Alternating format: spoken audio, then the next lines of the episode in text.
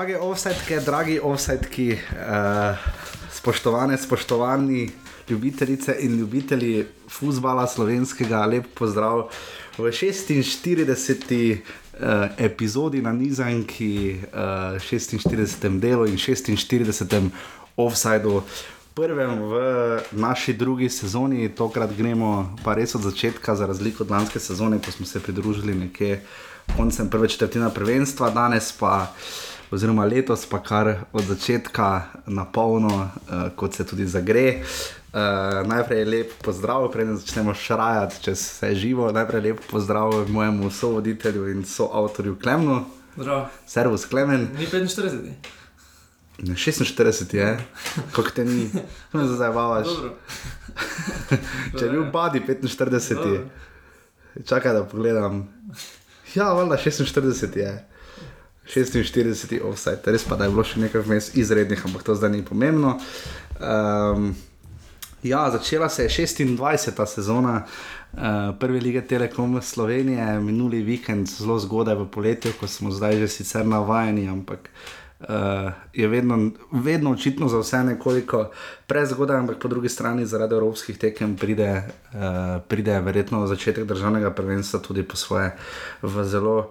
Uh, V mestnem terminu je pa mogoče vprašanje najprej, ne, uh, tisti super pokal niti ne bi bil tako slab, uh, mogoče ne ravno 24. junija, ampak recimo kakšen te, pre, teden dni nazaj, ne, ko je Maribor pa Olimpija, ko ste igrali Celtico, mogoče ne bilo slabo, če bi igrala drug proti drugemu. Ne. Ja, pa vprašanje, kdaj se je sploh odigralo. Ne? Zdaj so še te evropske tekme in uh, počasi se je začelo tudi prvenstvo na polno. In, uh, mislim, da če katera izmed teh treh ekip še gre naprej, oziroma Olimpija in Maribor, še vprašanje, kdaj se bo odigralo. Upam, da čim prej. Mogoče za Silvestrovo. Um, ja, pač evropske preizkušnje so seveda v polnem teku, to zdaj že vsi veste, verjetno ste spremljali. Prejšnji teden je res bil pester kot uvod v uh, našo ligo, čeprav so tudi priprave bile pestre, ampak. Uh, Ja, zbralo se je v prvem krogu, se je zbralo 5100 gledalcev, uh, kar za zdaj niti ni tako slabo. Ne? To je, če delite spet, je malo čez čisto kanček, čez tisoč gledalcev na tekmo, kar za zdaj niti ni tako slabo, ampak če pogledamo vseeno pa obisk v, na evropskih tekmah, vsaj Maribor in Olimpija, ta teden pa ni bil tako slab. Ne? Ja, Maribor ima preko 7000, Olimpija 6000 in je bilo kar sodobno. Je pa res, da tudi termin v Stožicah, v, pa tudi malo slabše vreme je pač pripomoglo, da je bilo 1000 gledalcev, pa včeraj v Ljudskem vrtu tudi. Tudi 2000, mogoče 2500, ja, uh, ni bilo ravno najbolj idealno. Ampak skratka, to je nova sezona, druga sezona Osera, torej 46. od edicija, oddaja Offside o futbalu slovenskem, naši in vaši prvi lige Telekom Slovenije. Um, najdete na, in poslušate na iTunesih ali na SoundCloudu, pišete nam lahko na Facebook in pa pridno odgovarjava tudi na offset afnaurbani.si. Um, ja, nič, gremo kar na začetku, eh, po, uh, ja, no, preden gremo na evropske obračune. Um, Moramo povedati, da je naj današnji gost Matej Oražem drugič uh, sodeluje v Offsideu, športni direktor Domžal. Upamo, da bomo Domžale večkrat letošnji sezoni lahko gostili. Ker moja, moja trditev je, da so Domžale v tem tednu v bistvu pokazale največ od vseh treh klubov, ki so ne samo v Evropi, ampak tudi med deseterico v prvi ligi. Ne? Ja, enostavno so v dobri formi. Um, mislim, da so tudi zelo dobro trgovali. Poletni prestopni rok je, rok je res nakazal, da si ne želijo samo tretjega mesta. Um, z temi ukrepitvami, uh, pet ukrepitev je zelo dobrih, ta teden še je prispel uh, Bratanovič, um, še napadalec, ki so ga res nujno potrebovali, ne glede na to, da zdaj uh, Vuk zadeva. Ampak mislim, da je to posledica te dobre forme na trenutku in um, mislim, da se lahko nadejamo tudi, da v četrtek grejo v tretji krog.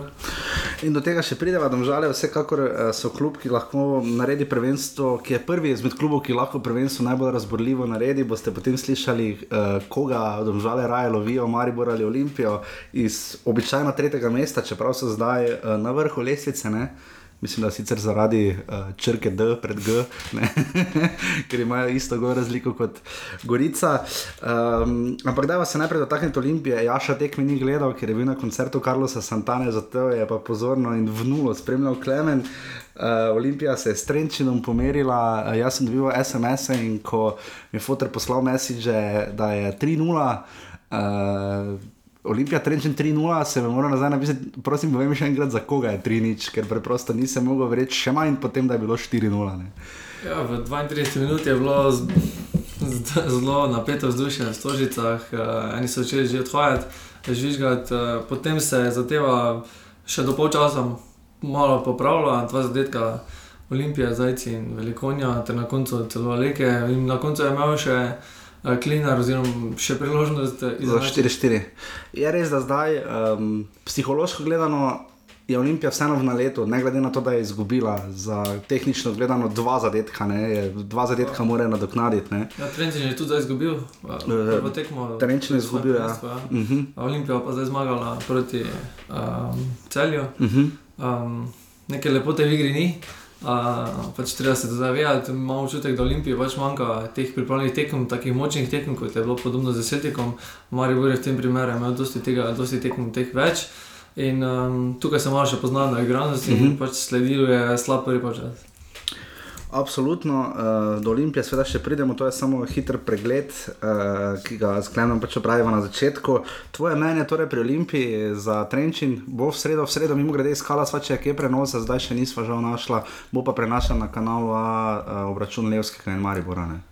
Ja, zdaj, če bomo Trenčin začel podobno kot uh, prvo tekmo, bo Olimpiji težko. Ne? Uh, definitivno rabi dva zadetka prednosti. Um, ali pa 5-4, da zmaga. Ja, seveda. Zagotovo, če bo na tej tekmi podaljški, bo to čudež. da bi Olimpija 4-3 zmagala v gosteh uh, po rednem delu. Naslednji je bil uh, veliko popotovanje, je opravljal tedni Grega Krmavnar, upam, da je še med živimi, da še ve približno koliko je ura, ko je prejšnji teden na Facebooku objavil, uh, kakšne ure je imel ta teden. Žalčani so namreč leteli v Minsk, pa potem v Soligorsk, pa nazaj v Minsk, potem pa še v Nion na žreb. Um, Domžale so najbolj presenetile, kot so rekla že na začetku, imajo ena, ena zelo, zelo aktiven rezultat in po vrhu so dobili še West Ham v žrebu, petkovem, ki ga, če ga kdo gledal, jaz teh žrebov ne razumem, ama ni malo. Uh, skratka, čaka jih West Ham, če grejo naprej, pri Domžalčanom igrali so z Šahtjorjem, Šahciorjem, kakorkoli, katera lektorska verzija vam je pač bližja. Uh, kolikor vemo, Dejan Trekovski je zadeval iz prostega strela. Uh, pa da so bili. ni bil prosti prosti strel, aha. igra. Igra, aha, no, ker jaz zadetka nisem videl, no, še nikjer, tisti, ne vem, če si ti gledal. Uh, ja, iz igre je zadev. Um, zanimivo pri mi je pri Domžalah to, da je v treh evropskih tekmah je dobilo priložnost 20 igralcev. Tako da tu se vidi, kako širino pač klopi imajo, zelo širok kader, kakovosten, ko zgleda, da so pač v teh eh, treh tekmah še vseeno neporaženi. Ne? Mhm. In, uh, in zdaj, če igrajo pač brez zadetkov, jih jim sledi, da otvorijo stadion novi od Veshema, olimpijski stadion v Londonu. bo- Ki bo, ki je pa Slaven Bilic se zelo jezil, ker pride olimpijski stadion v Londonu. Dva dni prej, mislim, da gosti uh, nekaj z atletiko povezanega, ne me držati za jezik in se Slaven Bilic zelo jezil, ali bo teren sploh pripravljen za ne vem, ali je zlata, diamantna liga ali kaj že v atletiki. Ja, je, je pa vseeno to nekaj časa, da domžale pač igra prvo otvoritno tekmo v Vesthemu. To bi bilo več kot zadovoljivo, je pa nekaj res, ne Pred polnim stadionom. To je nekaj drugega. Tudi, tudi, ob, eh, tudi ob Kamniški bistrici, po predvidevam, da je poln stadion v tem primeru, je pa res nekaj, da žale so na čisto vsaki tekmi v Evropi še letos gol dobile. Ne? Kar je bila njihova prednost, nekako prej, pod, ko so imeli še skubica, pa vidmarja, da gola nekako niso dobili. Ga pa zdaj zlahka dobijo, kakšen je bil ta gol, ki so ga dali Belorusi. U, to se zdaj spomnim. Bojo pa igrali v Stožicah tekmo proti Vesthemu. Aha, ok, no, še nekaj, česar, čes, kar mi je ušlo v minulem pestrem tednu. Um, ja, to mislim, da bomo potem vsi šli. ne. Uh, potem je pa Maribor, seveda, bil to tekmo. Uh, pa, s- Primeru, da gre naprej. ne. ja, v primeru. Da- zdaj ne moramo. Pa saj bo šli, valjda lahko zelena če prodaja. Uh, potem pa še Maribor je še predstavljal naše barve proti Levskemu v zelo, zelo zanimivem ozračju. Uh, gostujoči navijači Levskega so pripravili enega najboljših vzdušij, nekateri so mi potem pisali na Twitterju, ja, se strinjam absolutno. Uh, navijači žele, železničarja in pa, pa na te naj, ko so se recimo pripravili zelo podobno vzdušje, ampak uh, tokrat res navijači Levskega izjemno vzdušje na zahodni in severni tribuni so bili uh, navijali skozi vso tekmo, praktično preglasili ljudski vrt. uh, ki se je malo, ne znajde se Maribor v tej vlogi nosilca. Ne. Moramo povedati, da uh, Ljubko Petrovič je potekni povedal, da je to bil najtežji žreb, ki bi ga lahko Levski dobil, ampak sodeč po tem, kako je vse skupaj izgledalo na igrišču, pa ravno ni tako izgledalo. Ne. Ja, ta, ta trener eh, Levski je zelo poudarjal, kak kakšne uspehe je Maribor dosegel. Vendar ta ekipa, ki je dosegla tiste uspehe, se je zelo spremenila. Ne? In od te ekipe je dejansko ostal, uh, ko je igrala prvi postavi proti Levskemu, je ostal Hondanovič, uh, Tavares in tu se je ostavi. Ne? Dobro, v Ligi Prvaka je še recimo igral Šuler. Ne? Recimo, ne, ampak eh, so ti igralci, večina ostalih igralcev, ja, pa Viler, naprej, zdaj več ni. Ta... Pustiti Viler, ja. Pridemo še do njega. ne, in eh, ta, ta ekipa je zelo spremenjena, tudi mlajša, tudi manj izkušena. Uh, treba vedeti, da hočeš za 17 let, pa zdaj rekord, uh, hočeš tukaj mladi vrhovci na novo. In uh, se tukaj vidi, da pač eh, ni toliko granci, še ni še toliko. Seveda, tista ekipa si se stavljala z, uh, zmage in uh, koeficient, zdaj pa se je ta nova ekipa prišla, ki pa je povzela, da je nosilec in to je pač teže se postaviti ja, na tekmi. Ja, ja pač um, občutek v ljudskem vrtu je bil tak mešan zelo, no. nisi točno vedel. Res da Levski je imel najbolj zrelo priložnost na tekmi, če odštejemo prečko Tavaresa iz Kota, tam na koncu, ko je Kostadino meril za las mimo gola, uh, v res izdihljajih. Um, Je pa res, da Maribor se strašansko muči, kako da odgolne. Uh, tu pa imajo velike težave in uh, to bo zagotovo odločilno v četrtek. Dožna smo vam še ure, Olimpija igra v sredo ob 20.15 v Žilini, seveda. Uh, ne v Trenčinu, ker Trenčin nima dovolj velikega in primernega stadiona za tekmo takšnega pomena. Jaz upam, da bodo um, ljubljanski navijači konkretno navijali in dobro predstavili slovenske barve v tujini. Uh, potem domžalčani igrajo ob 20 uri in 30 četrtek. Proti Šahtjorju, Šahtjorju, kakorkoli Soligorska, uh, Marijo pa predtem že ob 19. uri in kot rečeno za prenosom na kanalu A. Uh, Uh, verjetno bodo kakšni internet linki, kakšna rola ali kar drugega, tako za Olimpijo kot za Domžale. Tako da upam, da bomo lahko čim več teh tekem ujeli ali pa ste videli v posnetku, kakorkoli, da vidimo, kaj se bo zgodilo. Ker um, splošna ocena, glede na tekmece, ki so, če ne bi noben slovenski klub šel zdaj naprej. Bi to bila zelo katastrofalna sezona, slaba. Sploh glede na to, da smo lani gledali res dober nogomet v naši ligi. Ne? Ja, pa tu pri Mariju se zelo poznamo, mogoče da je malo straha pred lansko nastano da so izpadli takrat in tukaj malo so začeli tudi tekmati, malo bolj zdaj. Vem, samo potem Marijo bo naenkrat več ni takšen klub, kot misli, da je. Ne? V tem primeru, če se bodo tresli pred Levskim, ne? potem imajo tako ali tako bojo. Če gre Marijo naprej, dobi pa Aberdeen, po vsej verjetnosti, ki je tri nič že premagal na prvi tekmi Latvijski Levenspils. Olimpiji pa se obeta zmagovalec dvoboja Legija Zrinski, ne? kar bo tudi zelo zanimivo. Verjetno bi Zrinski Olimpiji vsekakor bolj pasel kot pa predvsem močnejša, verjetno legija. Ja, ki... Ampak vedno, vedno težje nasprotniki prihajajo. In, ja, absolutno. Ne. In tukaj za njih nekaj izbire. Absolutno. Je pa res, da če bi vsi slovenski klubi zdaj spadli, bi samo domžale bile tiste, ki bi premagali Andorski klub in bi slovenski koeficient za eno leto spet zelo, zelo stagniral. Ne. Uh, ok, ampak kot rečeno, uh, začela se je 26. sezona prve lige Telekom Slovenije, uh, vsaka čas 5100 dušam, ki so se zbrale. Uh, na uh, vseh petih uh, prizoriščih, um, ki so videli, koliko je bilo golo, vse skupaj, uh, golo je bilo osem, ja? uh, kar tudi ni tako grozno šlo, lahko bi bilo več, lahko bi bilo manj. Uh, sem prav preštel? Osem. osem. Uh, In pa ja, pač um, moramo povedati nekaj stvari na začetku. Uh, malo imamo težav, da smo imeli z današnjo pripravo oddaje, s Klemnom smo imeli težave, zato ker še ni highlightsov iz drugih tekem. Uh, NZS je zamenjal live ticker oziroma prva liga in uh, tista statistika, ki je bila lani, ki se je vezala tudi na Twitter profile, bila zelo uporabna. Uh, tako novinarjem, kot verjetno tudi vam, če ste to uporabljali, zdaj pa treba to iskati preko cs.betradar.com očitno je prva liga to zelo outsourcala preko uh, sp pač spletnih stavnic, oziroma pač ljudje, ljudi, ki to morda bolj tehnično vladajo, ampak za preglednost in vsebinskost lige je pa to vendarle vse za moj okus korak nazaj. No, jaz se na stadionu res včeraj nikako nisem znašel. Eh, preko uradne prve strani prve lige, če si kliknil na tekmo, je javljalo error.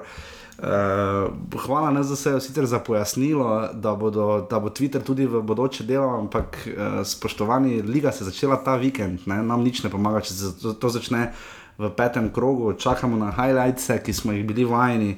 Zdaj, če smo mi razvajeni zaradi tega, je eno, ampak se mi zdi vseeno, da je to glede na to, kakšen korak je Liga lani medijsko naredila naprej, je pa to korak nazaj, ki ga je od vseh naredil ravno NZS, ki pa vse za moj okus, pa za moje vedenje, ravno težav za sredstvi nima. Ne? Pač drugače je spremljati. Uh, jaz, na primer, sem spremljal tisto po minutah, uh, ko si pa šel spremljati priložnosti, menjave in vse ostale, uh, celi zapisniki, kaj se je dogajalo na tekmi. Zdaj tega, po mojem mnenju, ali več ni, ali pa nisem najdel. Uh, in pač malo je težava, no, mislim, težava. Nekdo se pač navadi skozi sezono. Pač pač ja, tiste je bilo res user-friendly, oziroma uporabnikom prijazno. Zelo, uh, in moram reči, da je zaradi tega izkušnja, jaz upam, da ne bo vse zaradi tega, bolj trpem, ampak definitivno pa smo se danes teže lahko pripravili na oddajo kot v lanski sezoni. Da, uh, moramo že naprej povedati, da z izjemo posnetkov golov, ki smo jih videli in dobrih poročil sicer. Uh, iz uh, Nove Gorice in pa iz uh, Domžal, uh, highlights še nisem videl, pač upam, da jih bo, jaz upam, da bo NZS to uredil na nivo, kot je bil lani, ker sicer bo offside, vprašanje, kdaj bo izhajal. Meni se zdi, da če bi v torek prišel na, če bi morali čakati do torka ali v ponedeljek zelo pozno zvečer, bi s tem marsikaj oddaja izgubila. Tako da jaz resnično, jaz in Klemen resnično upava, Klemen in jaz, resnično upava, da uh, bo to do naslednjega tedna porihtano in še enkrat pač. Velika graja, NZS-jo, zato da se pač sezone lotevajo sproti. Sej, sezona prejšnja se je končala 18. maja, imeli so sistem, ki je več kot očitno deloval, noben se pretirano ni pritoževal nad njim. Ja, so bile kakšne faktične napake. Ja, uh, so kdaj uh, neki toplak in ekipa v live tickerju kaj tudi zajebali, ampak so bili dejansko tam, poleg tebe so na tekmi sedeli, vprašal si jih lahko kaj ne. Zdrav si bil, imaš ta občutek, ne, live verzije, zdaj pa se verjamem, da so ti ljudje tudi na tekmi, ampak jaz nimam pojma, kdo so oni.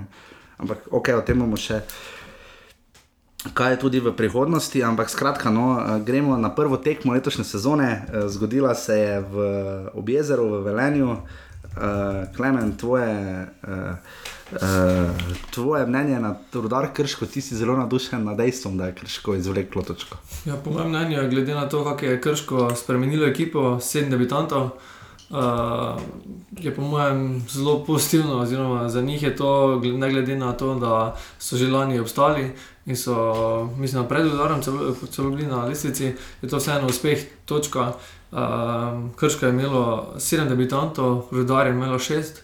In smo videli dve zelo drugačni ekipi kot v Šermaju. Ampak meni malo Postanemo malo prekrškem. Prekrškem uh, tekme bila ena, ena uh, gledalcev se je zbralo nekje med 500, ja, pa tam, po, koliko smo videli, na, to si z vse vzel. Ja, z ekipe. Aha, z ekipe. 500 gledalcev se je zbralo uh, v ob jezeru uh, in uh, videli smo dva zadetka, uh, glavina najprej uh, zadev, uh, Dominik Glavina je zadev za rudar, uh, za krške, pa potem ob kar precejšnjih naletih uh, izenačil Filip Dangobič z res prekrasnim eurogolom. Uh, in mogoče pri krškem jaz tam v izjavah Tomaža Petroviča še vedno. Je, je prav, da se krško še vedno dojema kot underdog, kot nenosilec, kot ne favorit. Tak, ker vseeno letos po rangu aluminij in radom ne spadata zakrško. Ne? Ja, seveda, ampak zdaj, če radom in aluminij ne bi bila v ligi, uh, pa bi bila na mestu tega, ne vem, zavrč. Um, Bi zdaj enostavno lahko sklepali, da bo Krško prvi za kandidat za, za, za borbo za obstanek. Uh mhm. -huh. In tukaj je zdaj ob tem, pa da radom je aluminij sta, lahko ni upal na osmo mesto. Ne? Ampak vseeno je, je torej prav, da ostajajo bolj realni. Seveda, tu se je ekipa zelo pomladila, spremenila, tisti, ki so bili svetu, so šli. Je pa res, da še traja mesec, pa še dva meseca traja prestopni rok in uh, še možno, da bo kakšne krepitve. Uh, dejansko, dejansko pa je, bilo, je krško bilo že proti rodaru, ne? tako se ti omenil, niso igrali proti Olimpiji ali Marijo, že tukaj so bili podrejeni položaj, tukaj je vprašanje, kako bo na drugih tekmah. Dan Gobič je zadeval prvi zadetek, lani igralec Krke, 27 tekem do zdaj v prvi ligi, to je bil njegov prvenec. Videli smo šanso stoletja, če imate priložnost, prosim, pogledajte si, kaj je zgrešil Bojan Vročina v, v izdihljajih tekme. Uh, mimo uh, zalo, ker je že bil mimo, vsi mimo žoge, on na ene koliko 3-4 metrih z glavo. Diagonalo na drugo stran proti levi Golmanovi štangi, oziroma desni, če gleda napadalec. Pridemo še do tega. In res šansa stoletja za boja na vročino, ta zmaga bi rodarju res dala uh, veter v krila. Ja, babič je zadal uh, prečko, Ja, uh, oziroma glavina. glavina. Ja. Uh, babič je zadal tiste iz petih metrov, ko je v kliči izrešil žogo. Mm -hmm. In um, Rudar je bil boljši nasprotnik, uh, na koncu pa je Dangovič v 74 minuti pač Dal svoj gol. Ja. V offsajdih je bilo 3 proti 1 za rudar, če te podatke seveda uh, držijo. Je pa Slobodan Krčmarevič se izkazal zelo tega odkritega, umirjenega, zgovornega trenerja. Upam, da ga bomo slejko pregostili tudi v offsajdu, ko se bomo kaj pohecali tudi z rudarjem, ki je lani imel zelo up and down sezono. In, uh, Uh, Ja, tudi dosti, dosti se ekipa spremenila, tudi mm. rodarja. Ne? Odšli so tudi ja. uh, Džinič, Trivkovič, Bejšej, Rozman, Knezevič in to so vsi igralci, ki so bili pomembni več let, nekateri celo več let. In uh, res, da so okrepitve so prišle, treba še pa na njihov učinek počakati. Pač zdi se, da, je, da sta idealna tekmeca vladar v drugem, predvsem novi ekipi, rodar še z novim trenerjem, tudi Krško je imelo svoje, svoje pestro poletje in uh, upamo, da bomo tu videli uh, čim boljšo predstavo obeh klubov. No. Ja, je pa Radan izgubil uh, mesto prvega vratarja. Ja. In uh, Zdaj brani Ristič. tako. Uh, ok, potem gremo v Stožice.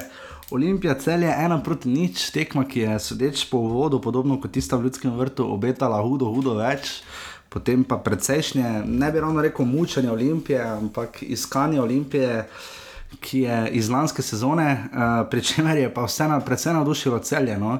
Kljub porazu, uh, mislim, da je bil Robert Pevnik lahko upravičeno, ne ravno zato zadovoljen, ampak vsekakor pa pač skrbna in tako prava predstava celja. No, ki Ja, je, niso se bali, ne? uh, odigrali so. Je pa res, da tudi Olimpija se že tako, tako v petih minutah potegne malo nazaj, enostavno niso več tako, po mojem, tudi uh, tako, tako zelo napadali. ja, Leka je zadev štango na začetku, oziroma In prečko. Naslednji napad pa je bil Prosti že iz strel, ja. prostega strela Velikonje in uh, so se mogoče tudi malo zadovoljili.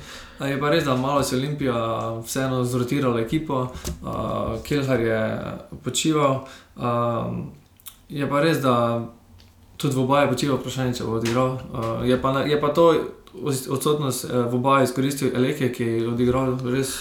Prvič je spominjal na onega Lekeja iz Gorice, ne, da je bil res tako gibljiv, nevaren, prodoren. Uh, in, uh, ampak kot rečeno, zdaj mogoče moje mnenje, da ima ti skotnik, pa to je zdaj moje kavč mnenje, bi lahko malo boljše pač posredoval, oziroma vsaj stal pri. Prosim, streljal je pa res, če bi mu streljal pa v drugi kot, pa spet tako da ne, vsekakor mojstrstvo je tjena velikonje. Prepozno, po mojem, videl žogo. Ja, In Močen strel je bil, no. Močen strel in um, pač boljše je trenutno, da pač ne moreš udariti. ne. Uh, potem, ja, pač pri Klemen vam bo potem kmalo zatem razložil uh, taktične presežke uh, Olimpije, oziroma temu se bo danes za svojim novim mini kotičku taktika eh, kroga posvetil Olimpiji. Um, celje je pač, Robert Pejnik je bil zelo odkrit, povedal, da celje naskakuje top 3 lahko s tako igro, kar je drzna izjava. No? Zdaj, glede na to, da celje je lani igralo podaljške in penale z- proti Mariboru v finalu pokala. Je tako zelo impresioniral, rekel, da še išče dva, tri napadalce, vidi se, da ima te podloge, da je predvsej sam spredaj. Ampak kot kaže, celje je navdušilo. No? Ja, tukaj zdaj še so se ukrepili z Lovrečičem, um, tudi z Obrezom in uh, Križanom, uh, uh, ki jih ne bomo imeli.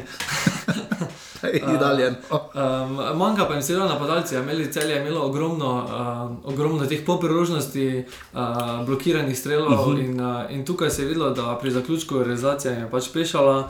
Um, če bi te po- popriložnosti, priložnosti pač uspeli, bi bilo drugače, bi bilo drugače. Pa v igri, v sami posesti, v, je bilo, so bili zanačeni kot uh, Olimpija. Tudi pri strelih uh, ni bilo neke razlike na gol 13-8 in, in so se cele zelo lepo predstavljali.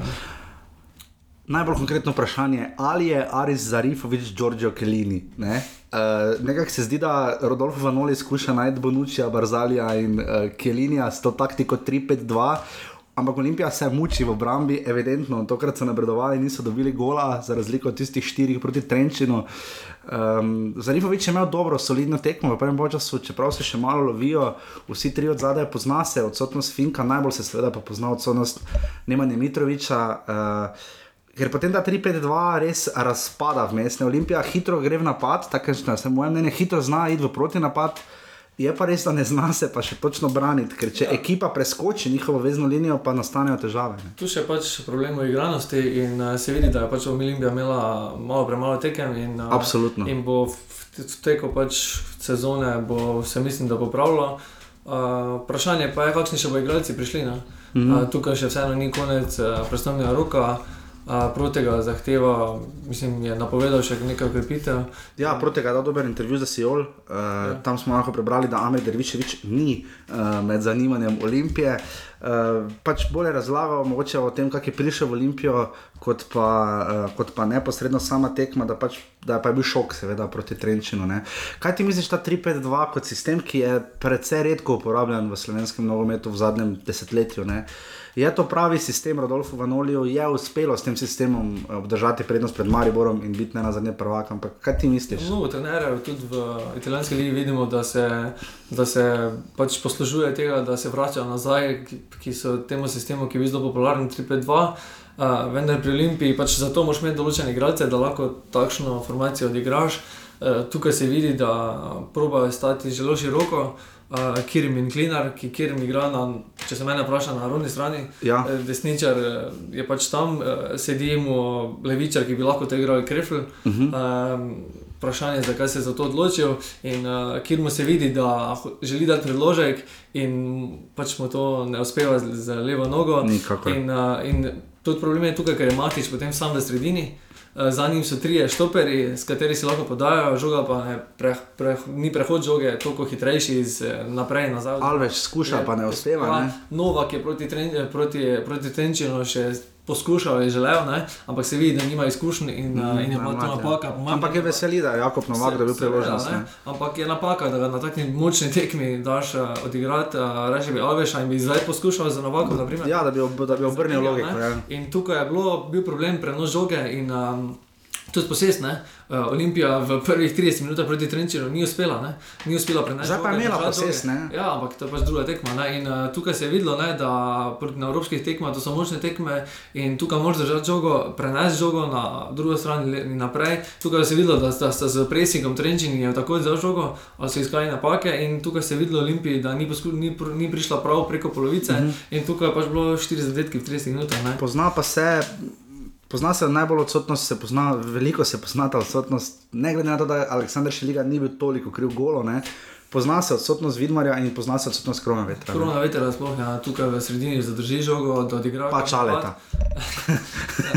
je, pa, je pa se vidi, da v obaji trenutno, pač, po mojem mnenju, ni fizično ne. sposoben, ne glede na to, kako je bil Radovič sposoben fizično. Pa, ne, vse... Radovič manjka, tak, če gledaš ja. tak, proti celju, bi dva gola, Olimpija bi 3-0 zmagal. Ja, ampak on je sposoben bil uh, narediti razliko. Žogo, ne, nekaj, ja, ja. Ne, in uh, tukaj pa se vidi, da v obaji na takšnih tekmah pač ne pride do izraza. Uh, in v tem napadalnem, uh, napadalnem delu Olimpije bi, bi bilo potrebno malo osvežitve, malo, malo primer bo, če se bo hočeš poškodbe. Uh mhm. -huh. In tukaj so zelo odvisni od velikonja. Velikonja je zdaj dveh tekmah, zdaj uh, dva zadetka. Ne?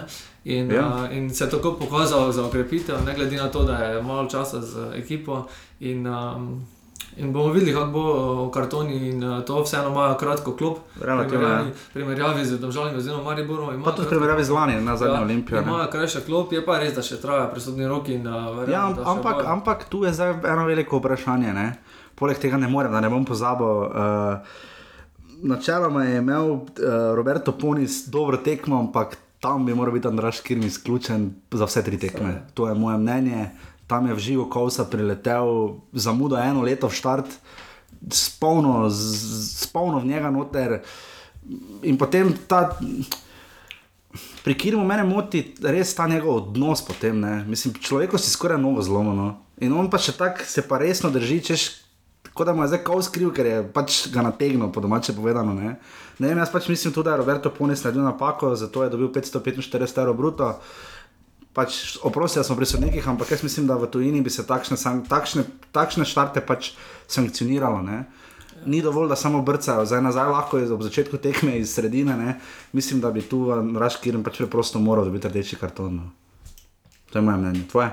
Ja, ni pa dobil nič, ne? Dobi rumenega. Dobro. Ne, rumenega, če ne dobi nič, kaj stino. uh, ampak ja, mogoče samo še to. Jaz mislim, to je za moja špekulacija. Jaz mislim, da v primeru, če Olimpija, pa držimo pesti, da ne bo pomote, v primeru, če Olimpija ne napreduje proti Trenčinu, bo imel v četrtem krogu, mislim, da Rodolfo Vanoli tekmo za obstanek v Ljudskem vrtu. Možno, možno. Ampak uh, je slovenska liga čist nekaj drugega. Uh, Vem, ampak recimo, če ne, pustimo zdaj, uh, Olimpija zdaj igra za- še z radomljami, ne, uh, preden pride potem Maribor, ampak tvoje mnenje je, kako stabilen je Rodolfo Vanoli, ne, zdaj, ja, to je pač vprašanje. Ne nadproti tega ni bil tisti, ki ga je pripeljal, ne. Ja, pa mislim, da se tako hitro ne bo menjavalo trenerja, da, da se mu bo pustilo nekaj časa. Uh, de- dejansko pa pri to takšnih menjavah, Olimpija v vsakem prestopnem roku je zelo menjavala igralce. Uh -huh. V zimskem prestopnem roku smo videli, da sta dva, uh, dva glavna igralca odšla, tudi poletnem so šli, uh, zdaj so poškodbe in uh, to ne gre uh, Vanoliju na roko. Ne? In tudi dejansko on uh, vsega tudi ne moremo kriviti njega. No? No, okay. Se strinjam, zdaj pa na Domžale, o kateri so že nekaj govorili. Domžale so z 2 proti nič premagale Radomlje, v športnem parku v Domžalah se je zbralo tisoč gledalcev, kot vam bo povedal Matej Ražem, na njegovo oko še morda kakšen več. Uh, Slobodan Vuk in pa Žuninjo, sploh Žuninjo, drugi gol je bil prekrasen, Vuk je pa pospravil odbitek. Radomlje so imeli razveljavljen gol zaradi eh, prekrška, pa je bil res prekršek, tu ni, ni dileme, sedeč v tistem, kar smo videli. Uh, tako da Radomlje so začele s porazom. Um, sicer imajo avto, uh, pa imeli so trebušno blesalko uh,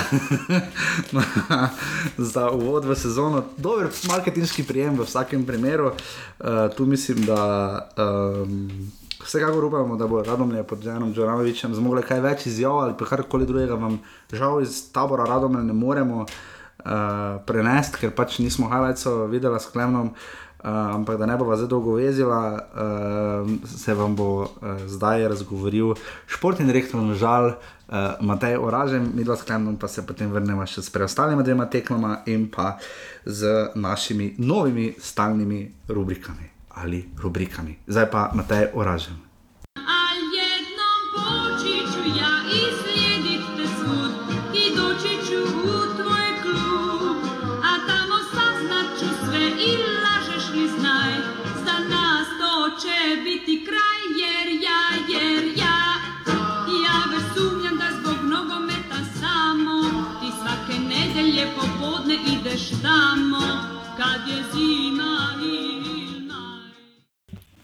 Tako z nami je znova Matej Oražem, eden izmed, mislim, da prvih gostov, ki smo jih gostili v Offsideu, ki se je znova uh, zelo hitro in odzivno odval, odzval našemu vabilu. Uh, gospod Oražem, lep pozdrav, dober dan, dobro jutro.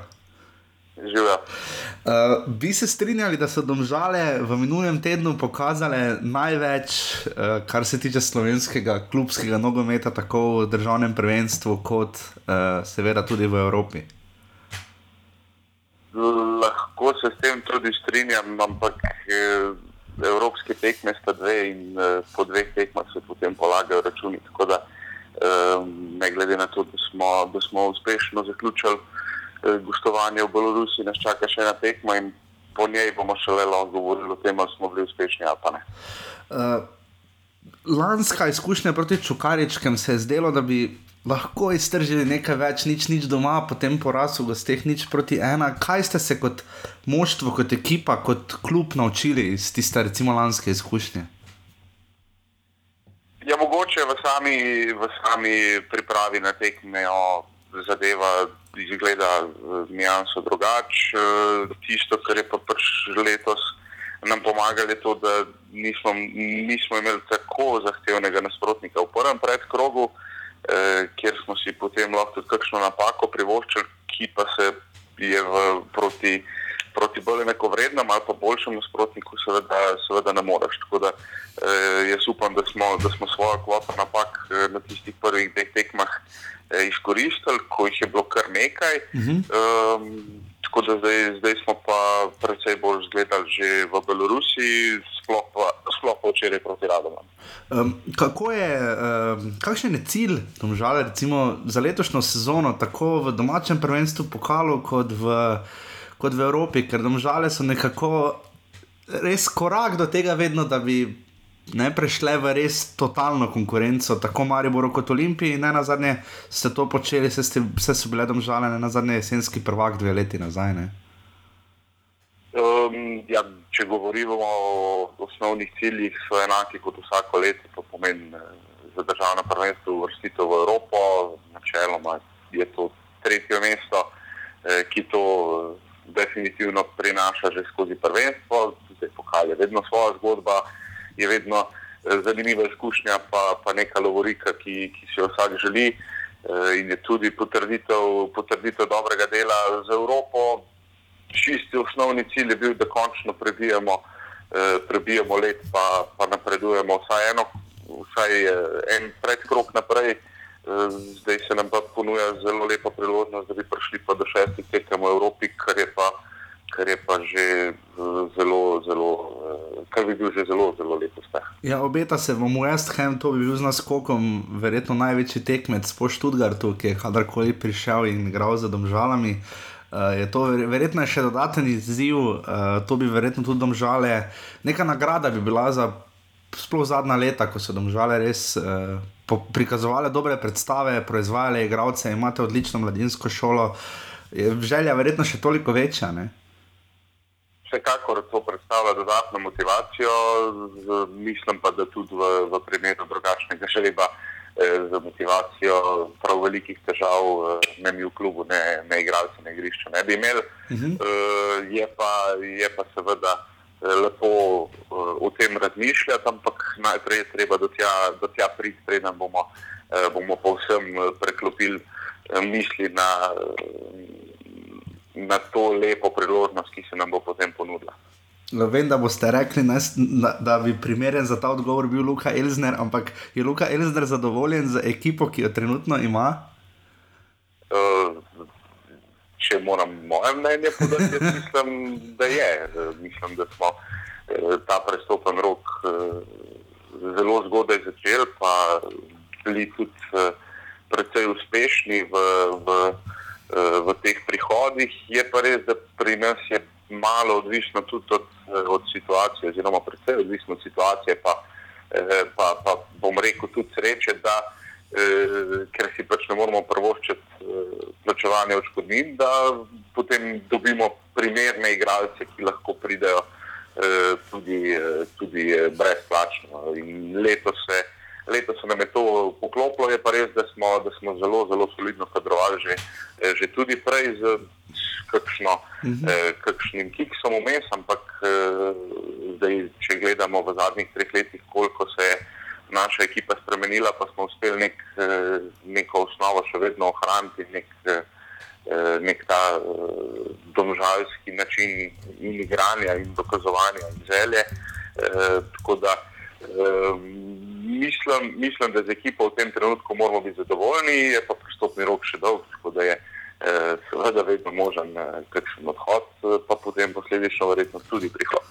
Uh, vrnil se je Benjamin Morel, ki je uh, odšel v prejšnjem delu sezone. Uh, to kaže na to, da se vendarle očitno da dogovoriti. Takrat se je pač govorilo o incidentu in tako naprej. In, kolikor vidim, Benjamin Morel pridno igra in tudi zabija za domžale, ne na zadnje. Ne?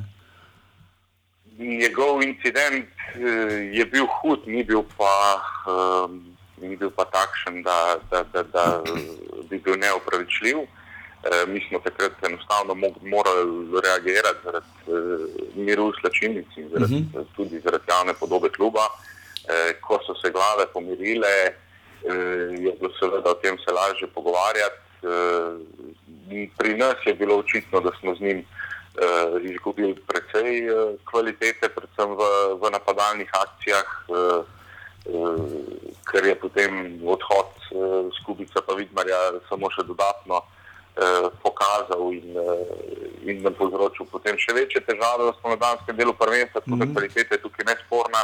Uh, mislim pa, da je tudi za izkušnjo v Bolgariji Ben začel bolj ceniti to, kar, kar mu mi nudimo, oziroma to, kar ima v, v nogometnem klubu Države in je, in je v bistvu v osnovi njegova, njegova želja, da bi se vrnil. Mi smo se potem po pogovoru znotraj kluba in znotraj ekipe odločili, da mu, da mu to omogočimo in zaenkrat se, zaenkrat se to obrestuje. Smo pa dogovorjeni, da ob najmanjši eh, kršitvi eh, disciplinskega pravilnika seveda bo, eh, bo sledila popolnoma enaka sankcija. Zdaj je obljubil, da eh, temu eh, tako ne bo, tako da sem prepričan, da, da, da bo zadeva eh, funkcionirala kot je treba. Tako da ste se znali eh, zmeniti kljub uh, incidentom, ker uh, športni direktor, igralec smo v minuli sezoni videli. En še hujši primer, uh, kjer, povratne, kjer nepovratne reakcije potem ni bilo, ni bilo, potem, ko je bila enkrat odločitev sprejeta, je bila. Kako je biti športni direktor v Sloveniji, ko zdaj ta funkcija se zdi, da postaja res. M, Predvsej pomembna no, v vseh aspektih. Vsak klub skuša za športnega direktorja pripeljati ali bivše igralce ali zveneče ime. Kako se ta funkcija zdaj zdi, ko je recimo pri Olimpiji ne nadprotega, Zlatko Zahovič pri Mariboru, pri celju je to Sebastian Gobec. Kako je, kako je s tem? Je zelo različno. Mislim, da v, na prostoru bivše Jugoslavije je ta funkcija športnega direktorja um, predvsem bolj cenjena bila in predvsem bolj pomembna tudi v preteklosti kot uh, recimo v, v drugih državah. Uh, naš model funkcioniranja je mogoče uh, vseeno malo drugačen, ker jaz ne funkcioniram kot klasičen športni mm -hmm. direktor, ki bi Eh, ki bi sestavljal ekipo in potem jo dajal na voljo trenerjem, ampak je to pač eh, ekipni napor, kjer, kjer vsak eh, svoj del, svoj del posla oddela in vedno je, je zadeva usklajena. Pač to, je, to je bolj način delovanja, bomo rekli, zahodnoevropskih klubov. Kjer, kjer je ta zadeva veliko bolj povezana, s tem ima, ima trener veliko bolj Eh, proste roke pri izbiri same ekipe in obenem tudi, eh, tudi nijanso večjo, večjo odgovornost uh, do tega, ker, je, ker so dejansko vsi, uh, vsi uh, igralci, ki pridejo z njim, z njim načeloma usklajeni in potrjeni. Da, mm. uh, morda je, je pri nas uh, mal drugače kot v, v Mariboru pa Olimpiji, kjer uh, kljub vsemu naš športni direktor uh, kar se tega športnega dela tiče, eh, mogoče eh, malo več, eh, mal več odgovornosti kot pa pri nas. Eh, je pa tako, da v, v tem času, ker sem, ker sem jaz v klubu, eh, se je zamenjala že, že cela paleta zvenečih imen, od Mileta Čimoviča, Saša mm. Udoviča, eh, recimo v, v Olimpiji, dobro, Zlatko je, je stalnica eh, v Mariboru. Eh, Ampak jaz mislim, da to je pač v, v, v pomoč eh, pri, pri dogovarjanju in vsekakor ti je pri samem začetku, ukolikor eh, imaš neko zgodovino za sabo lažje, kot je bilo meni. Eh, jaz sem pač mogel svoj, eh, svoje ime na, na druge načine zgraditi, pa mislim, da počasi tudi, eh, tudi prihajam v, v situacijo, ko, eh, ko se lahko tudi meni kaj na besedo verjame in uh -huh. eh, ve, da uh, ve, da vemo, kaj počnemo v klubu in da, in da imamo načrt in strategijo in da, in da se tega držimo. Zakaj so domžale tako uspešne v mladinskih pogonih, mladinski kadetski prvaki, potem še mislim, da kaj v 15? Uh, eh, zakaj so domžale tako uspešne, zakaj jim Maribor Olimpija, ostali klubi ne pridejo blizu v mladinskih selekcijah? Ne? Glavni razlog je to, da temu posvečajo manj pozornosti, uh -huh. tako, tako časovno kot kot predvsem finančno. Zdaj pa nam, recimo, skoraj tretjino eh, proračuna, ki ga, ki ga kljub eh, na letni ravni obrne, je namenjenega eh, mladinski šoli, ker je v procentu verjetno to en največjih odstotkov v, v Evropi, tudi ko smo na. Na Evropski klubski organizaciji o tem govorili, je, je bilo to dosti jasno vidno.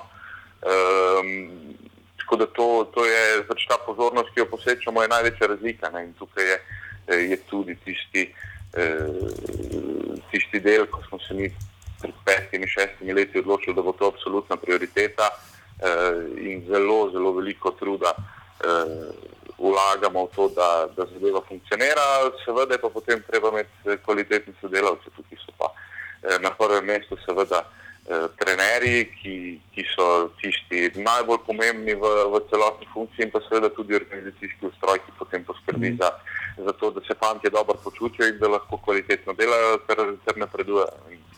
Vsak, vsak fant, ki prihaja k nam, eh, mu povemo približno isto zgodbo in to je, da mi bomo naredili vse v naši moči, da bo imel on naj, najboljše eh, možnosti za, za uspeh, ki jih lahko ima. Eh, mu pa nihče ne more garantirati, da bo uspel, tako kot mu nihče ne more zagotoviti, da ne bo uspel. To je, to je pa potem seveda veliko od fantov odvisno. Eh, tudi tukaj pa želimo, želimo privzgojiti nekako eh, to delavnost. Eh, eh, disciplino, eh, ne samo na igrišču, tudi urejeno zasebno življenje. Če govorimo o mladih fantih, je šola mm -hmm. definitivno prioriteta, tukaj nam srednja šola domžale veliko pomaga, eh, kjer imamo praktično dnevne informacije, kaj se v fanti dogaja. Um, tako da je, je pač nek kompleksen sistem, ki se zdaj izgrajuje že recimo deset let, eh, v zadnjih petih letih še toliko bolj, bolj intenzivno. Eh, in v tem, v tem bi jaz iskal razlog, zakaj, zakaj smo trenutno v prednosti. Je pa dejstvo, da eh, vkolikor bomo, bomo malo zaspali, eh, nas bodo ostali hitro dohiteli in ko te dohitijo, tudi hitro prehitijo. Vse čas smo aktivni, vse čas smo dejavni, da, da, da to, te prednosti, ki jih imamo, eh, ohranjamo in da se poskušamo spomniti še kaj novega. Mhm, Ampak nič ne kaže, da bi zaspali, ker prihod Simona Rožmana je bil zelo presenetljiv. eh, Nič ne bi, ne bi bilo veliko presenečenje, če bi ga videli na klopi katerega prvo ligaša ali če bi odšel v tujino za trenerja, glede na to, kaj vse je uspel ustvariti s celjem, od katerega je veliko črpal, recimo ravno Maribor iz tistih igralcev, ki jih je on ustvaril. Uh, bom tako vprašal, je Simon Rožman dolgoročna naložba domžal v primeru, če bo Luka Elzner kdaj odšel kot trener v kakšen drug klub. Uh, kakšno je to sodelovanje, ki je očitno že letos obrodilo številne sadove? Ne? Ja, vse, kar so prej, prej govorila, potrjuje tudi to, da se je Simon eh, odločil, odločil za ta izziv in prišel k nam. Zdi, da je neko urejeno sredino, kjer lahko eh, za svojo spet, spet tisto delavnost, disciplino eh, in vsem znanjem, ki ga premore, naredi, naredi določene zelo dobre rezultate. Mhm. Um, zdaj, v tem trenutku je seveda nehvaležno govoriti uh, povsem določno, ampak vsekakor je, eh, je to tudi eh, del, del načrta, eh, glede na to, kako uspešen in kako ambiciozen je Luka. Sem prepričan, da eh, slej ko prej bo, bo prišla situacija, ko se bo eh, preselil tudi, eh, tudi kam drugam. Eh, naša šljubska želja je pa seveda, da v, tem, v tistem trenutku vseeno eh, ohranimo neko kontinuiteto in, in Simon bi bil, eh, bi bil za to, za to idealen. Eh, Tisto, kar je pa mislim, da vsemu skupaj najbolj pripomoglo, je pa to, da sta, da sta Simon in Luka res en odličen kontakt vzpostavila, eh, da, da zelo dobro sodelujeta, da en drugemu pomagata, da se skupaj izobražujeta. Tako da eh, mislim, da mislim, da je to ena super zadeva za, eh, v prvi vrsti za klub, vsekakor pa za, tudi za, za njih dva kot, kot posameznika in jima bo v karieri še, še zelo koristilo, glede na to, da sta oba izjemno mlada za, mm. eh, za trenerje. Pa še morda proti koncu imate, vse za moj okus, uh, enega najbolj ažurnih in zanimivih, pestrih, vsebinskih, uh, tako Facebook kot Twitter profilov. Uh, kar se delno pozna, včeraj je bilo, ko- čeprav vidim tisoč gledalcev na tek na lokalnem derbiju z Radomljami. Uh, kakšen je Kakšno je pričakovanje pred četrtkovo tekmo glede obiska, uh, kako je z obiskom nasploh v Domžalah za letošnjo sezono, ker uspehe res imate, tudi uh, igra bo očitno uh, zanimiva, kako doseči, da bo prišlo čim več gledalcev na stadion. Zdaj na tem eh, marketinškem in PR področju zelo intenzivno delamo eh, že kar nekaj let, Grega Krmavner je eh, tukaj tista, tista oseba, ki celotno zadevo povezuje eh, in pa je odlično potem tudi v praksi izvaja. Eh, z obiskom včeraj smo lahko zadovoljni, no, moj občutek je bil mogoče, da je bil še celo celo kakšen, eh, kakšen gledalec več, ampak eh, tudi, tudi tisoč gledalcev je za ta letni čas mm -hmm. in pa za, eh, to tekmo, takšna kot je bila, mislim, da eh, zelo dober obisk. Eh, za četrtek jaz bi si želel čim bolj polne tribune, ne? vsaj 1500, če ne 2000 eh, gledalcev, ki bi nam, ki bi nam pomagali. Eh, Mi smo tudi pripravili nekaj marketinških akcij, zato da bi, da bi ljudi spodbudili, da bi si ogledali to tekmo, da bi eh, imeli potem v, v primeru preboja naprej tudi popust za, za USM, ker sem prepričan, da bo zanimanje ogromno. Če, Tam vam bo če telefon zelo zvonil. Um, drugače pa na marketinškem področju relativno zahtevno delati. Sicer v začetku prejšnje sezone eh, smo dobili precej pomoči, potem je pa zadeva za ostale klube, razen za Maribor, po Olimpijo, precej zvodenela. Ne. Mi smo se eh, nekako vrnili v, v neko medijsko relativno anonimnost, eh, medtem ko sta pa Maribor, po Olimpijo vsakodnevno posod prisotna. Ne. Zdaj, eh, to je seveda komercializacija in pa, in pa izračuni eh, predvsem eh, komercialnih televizij, čemur pa seveda tudi nacionalni programi eh, delno sledijo. Eh, tako da tukaj bi si definitivno, eh, jaz mislim, da zaslužili in pa predvsem želeli več podpore, ker se zelo zanimive stvari dogajajo tudi v, v ostalih klubih, pa, eh, pa so pogosto potem spregledane zaradi tega, ker, ker sta dva kluba tako v ospredju, eh, da potem v bistvu vsi, vsi ostali zvodenijo. Mogoče je potem to tudi dodatna motivacija, da vsaj enega od teh dveh klubov prehitiš, da, uh -huh. eh, da morda eh, te potem pa bolj opazijo in da, in da daš nek, eh, neko, neko potrditev tega, da, da, da, da si zraven in da, eh, bi, da si zaslužiš, da si bolj upoštevan. Mogoče še to, kakšen je vaš pogled na letošnjo prvenstvo, na letošnje prvenstvo. Včeraj ste prvič igrali z Radomljami, ki upajo, v Radomljah upajo, da so se naučili več iz svoje prve sezone, ko res niso zbrali velikega števila točk, aluminij je zamenjal Zavrč. Uh, kako atraktivna bo letos liga, kaj si obetamo lahko v primerjavi recimo z lansko, precej do konca neodločeno praktično sezono. Uh, kaj si lahko letos obetamo, kako kot zdaj že do, ne- nekaj, oziroma dolgoletni uh, športni direktor vidite to situacijo v našem državnem prvenstvu, pa licenčni postopki, pa težave v Kopru. Uh, kak, kako vi na to gledate? Uh, jaz mislim, da pred vsako sezono je vedno, vedno deluje, da bo liga, da bo liga izjemno zanimiva. Ne. To se Mhm. potem s časom, s časom pokaže. Jaz mislim, da kljub vsemu bo, bo precej izenačena, eh, ne glede na to, koliko eh, finančno in pa kadrovsko močnejša sta Maribor in Olimpija od, od ostalih. Mislim, da ne izstopata, ker sta tudi te dve tekme pokazali, pokazali ta, ta vikend. Um, Jaz si želim, da bi mi se priključili temu, temu dvoboju na vrhu, ki je nekako eh, pričakovan. Eh, Se mi pa zdi, da bi pa znal biti pa zelo, zelo zanimivo v boju za obstanek. Jaz mislim, da tri ekipe eh, po, po prikazanem so si, so si kar precej blizu. Predvsem bo zanimivo videti ta obračun aluminija, pa radoma, ker ima nekaj izkušnje iz prejšnje sezone, ima tudi močno podporo navijačev, tako da od njih bi, bi pričakoval, da bi iz tega, iz tega troboja mrčken se oddaljili.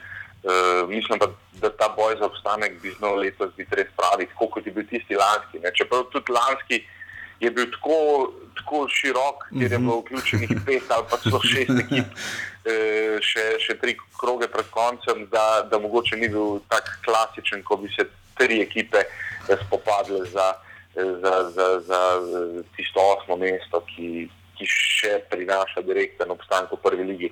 Um, mislim, da bo pa definitivno, eh, definitivno zelo zanimivo. Zanimivo bo videti, kaj se bo zgodilo v, v Velenju, kako bodo celjani eh, nadaljevali. Tudi Gorica je lani imela odlično sezono, um, zdaj koliko tega zaleta jim je, jim je še ostalo. Mm -hmm. e, koperska zgodba je pa specifična, pa tudi malo nehvaležno komentirati. Mm -hmm. e, mislim pa, da si vsak lahko svoje mnenje e, ustvari o tem, kaj se, kaj se v, v Kopru dogaja. Mislim, da nikomor v slovenskem nogometu tak e, nažalost ne morejo biti e, prav zelo v ponos. In mogoče še to, koga domžale lažje lovijo, uh, so to, uh, je to Olimpija, je to Maribor. Ja, unga, ki bo imel manj točk. um, ne vem, zdaj, uh, pri nas je, je motivacija načeloma vedno nijanso višja proti obema, eh, obema ekipama. Eh, bomo pa videli, no, zdaj, če bi, če bi karkoli napovedoval, je v tem trenutku precej nehvaležno. Eh, jaz mislim, da dejansko eh, v tem, v tem trenutku zadeva zelo izenačena, mogoče Olimpija malo oži kader, eh, pa, pa je, deluje nijanso bolj na, na igrišču, Maribor še vedno deluje spomladansko. Ima pa, ima pa izjemno širok kader in izjemno kvaliteto, kvaliteto igralcev, in pa, in pa seveda navijače in pa eh, izkušnje, da, da lahko zmaguje tekme tudi, tudi tako, kot je eh, zmagal včeraj. In to so najbolj pomembne točke. Mislim, mm -hmm. Mene je samo presenetilo, da, da, da, da ni dal gola Tavares, drugače pa to popolnoma eh, klasičen mariborski eh, mariborski sistem, mm. kako se osvaja naslove, eh, ko te tekme dobivaš v zadnjih trenutkih, takrat, ko je najbolj pomembno. Eh, ampak to je nekaj, kar je pa nujno za, za, za dosego eh, res, res velikih eh, uspehov. Eh, tako da tukaj izkušnje so, so na strani Maribora.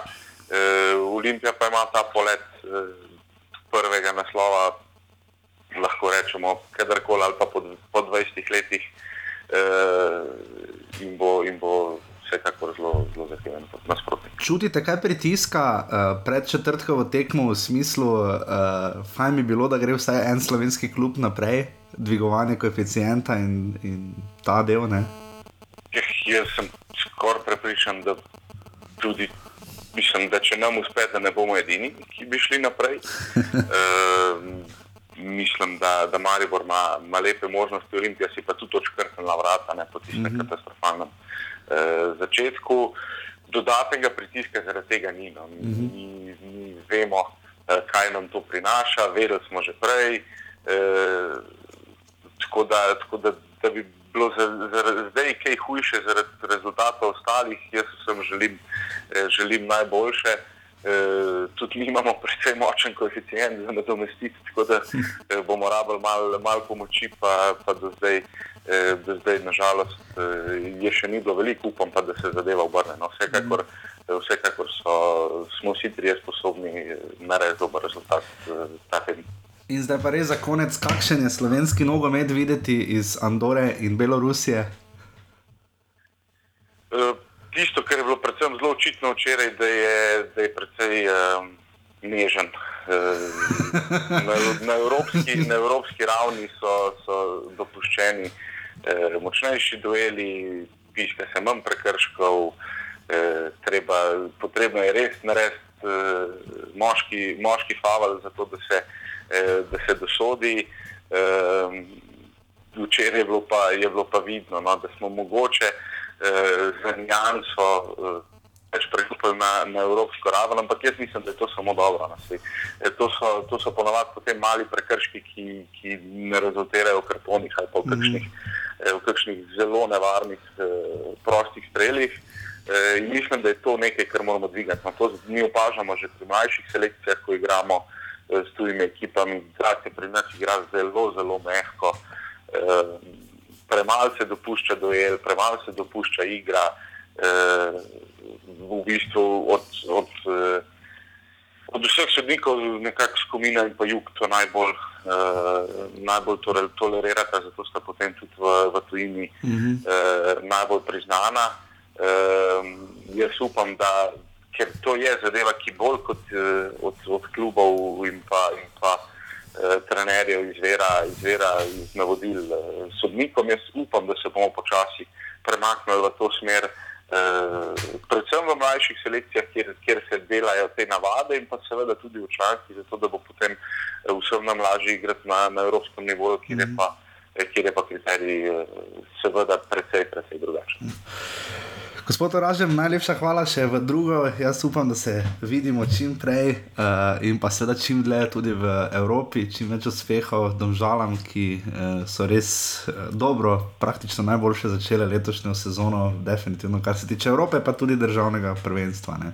Tako da uh, res so srečo, upam, da bo offset letos našel čim več uh, medijsko zanimivih stvari, tudi iz domžal, bog ne daj samo iz Maribora in Olimpije, uh, ker se mi zdi, da res delate zelo, zelo pestro in kvalitetno zgodbo. Ja, hvala lepa. Hvala, čau. Čau, čau.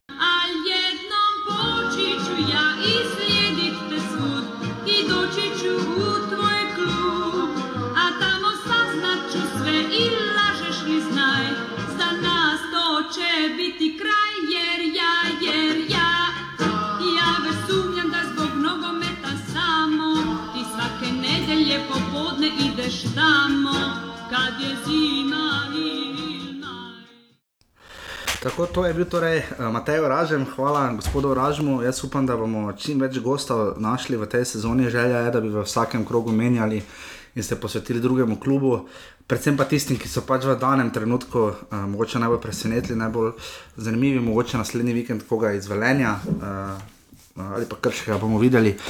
V vsakem primeru pa torej um, gremo naprej, Gorica, Alumini 2 proti nič. Eh, Tudi to tekmo smo pač s Klemnom videla preko RTV-ja, eh, koliko smo pač lahko videli zadetkov. 600 gledalcev se je zbralo eh, v športnem parku v Novi Gorici, eh, Sandja, Arčon in pa Kavčič sta zadeva. eh, Pa dve štange, še Miran Burgi zadev, eh, je pa svojo vratnico zadev tudi Vrbanec. eh, vrbanec eh, za Alumini, eh, ki je na začetku imel kar priložnosti, kot sem slišal, no, so se dobro postavili. Uh, bomo, bomo še natančneje, očitno pač prebrali, oziroma videli v naslednjih dneh, kako in kaj. Uh, Smo pa videli prvi rdeči karton v sezoni. res je. Roškar je v dve minuti potreboval, da je dobil dva rumena kartona. V 80 in 90 je dobil dva rumena in, uh, in hitro končal. Čestitke Roškarju, torej ena izmed boljših situacij, to mi je odkrito povedano, dejansko ušlo. Um, pri Gorici pač uh, torej ni jim prišlo do živega, očitno uh, vse je pač dvoboj z Makabijem. Ja, Dve tekmi so zdaj izgubili, Ja. uh, zdaj so se pobrali, tudi uh, dobili so eno ukrepitev in en odhod. Johnson je odšel, Dejan Žigon, Dejan, Žigon se pa je vrnil v, uh Mhm. -huh. v Gorico. In, um, Prvi gol Sandja Arčona si lepo gledate, uh, lepo odbitek in potem preigravanje, skoraj da pol obrambe aluminija je nasmodil in za- zadev pod prečko, res korajžen gol. Uh, bi pa pod novo rubriko, ki jo imamo stadion oziroma navijači kroga, uh, če pohvalili Terror Boyse, čeprav je bilo 600 gledalcev v Novi Gorici, so se Terror Boysi poklonili bivšemu uh, navijaču Irvinu Abramoviču, tako je se napis bil na stadionu bele in uh, modre sveče. V čast uh, preminulemu navijaču, vzhod žaluje ob izgubi prerani, tvoje ime vedno bo z nami, je bil napis. Tako da uh, dobra predstava, spet v Terror Boysu, no, moramo reči, da navijaške skupine. Vložala je tu bila navijaška skupina, zdaj pa mislim, da zdaj pa ne imali z Radomel, očitno. No, uh, bomo videli, kako bo s tem. Tako da uh, Gorica je torej zmagala z 2 proti nič in skupaj z domžalami po gol razliki eh, na prvem mestu. In potem še tretja tekma, oziroma tretja, peta tekma, zadnja v tem krogu, uh, je bila včeraj zvečer v Ljudskem vrtu, ena proti nič, je zmagal Maribor v 93 minuti in 6, 7, 8, nekje sekundi je zabil Dare Vršič in odrešil muk uh, približno 2000-2500 gledalcev v Ljudskem vrtu. Uh, jaz sem bil živo na tej tekmi, moram reči, da navijači imajo res potrpljenje, je pa res, da ne za vse enako. Uh, če hoče, Adisu Hočiču, o katerem si prej govoril, pobegne žoga v avt, mu dajo aplauz, zdaj bori se, vse bo. Hotič je neumorno spet tekel, se trudil, skušal pregravati v sredino. Uh, predvsem manj pa je potrpljenja mogoče za te starejše, ne, za staroseljce. Je pa kar lahko za njih, ne, recimo včeraj je Marko Šuler po dolgem času zelo dobro tekmo. ja, tudi v četrtek ni Tudi odigral četrtek slabo, ni odigral slabo, ampak je tam včasih mogoče še vedno ta malo kombinacija, tokrat je eh, bil partner z Mertljem. Um, no, ampak dobro, bomo še, bom še do, do skrbne analize prišel. Povej malo, Ti, zakaj se Maribor tako predamano muči in ne da gola? Jaz mislim, da tukaj na tej tekmi zaradi dosti rotacij. Mislim, da je bilo pet, pet igralcev, je mm. -hmm. zamenjanih bilo in tu se je poznalo. Uh, tu se vidi, da Janža in Viler je razlika. In mislim, da bi Janža moral dobiti standardno, standardno pozicijo v prvi postavi. Um, Šmej in Mertelca se je zamenjala. Uh, Mila nič je rekel, da zaradi boljšega pretoka igre, pretoka igre ampak če, v čem je tu zatajil Mertel, ne? kot, nek, kot Ja. nekdo, ki smo ga še dve leti nazaj gledali kot vezista. Ne? Ja, namesto njega pa odigra Pihler, uh, ki pa je bil zamenjan. Uh, zanimivo, vrhovec je bil počasi zamenjan proti Ravskemu.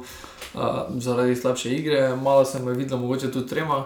Uh, tako je tudi uh, bilo podobno pri Pihlerju, ki ravno ni bil pri igri, ogromno bilo ne- nekih napačnih podaj. In, uh, se je videlo, da so težave pri organizaciji napadov, da vrhovec je enostavno se niso iskali. ne. Enostavno so se bili mogoče tudi na foto, ta Vajreš je odigral zelo nizko in uh, so, so bili dejansko premalo igralcev v igri. Ne.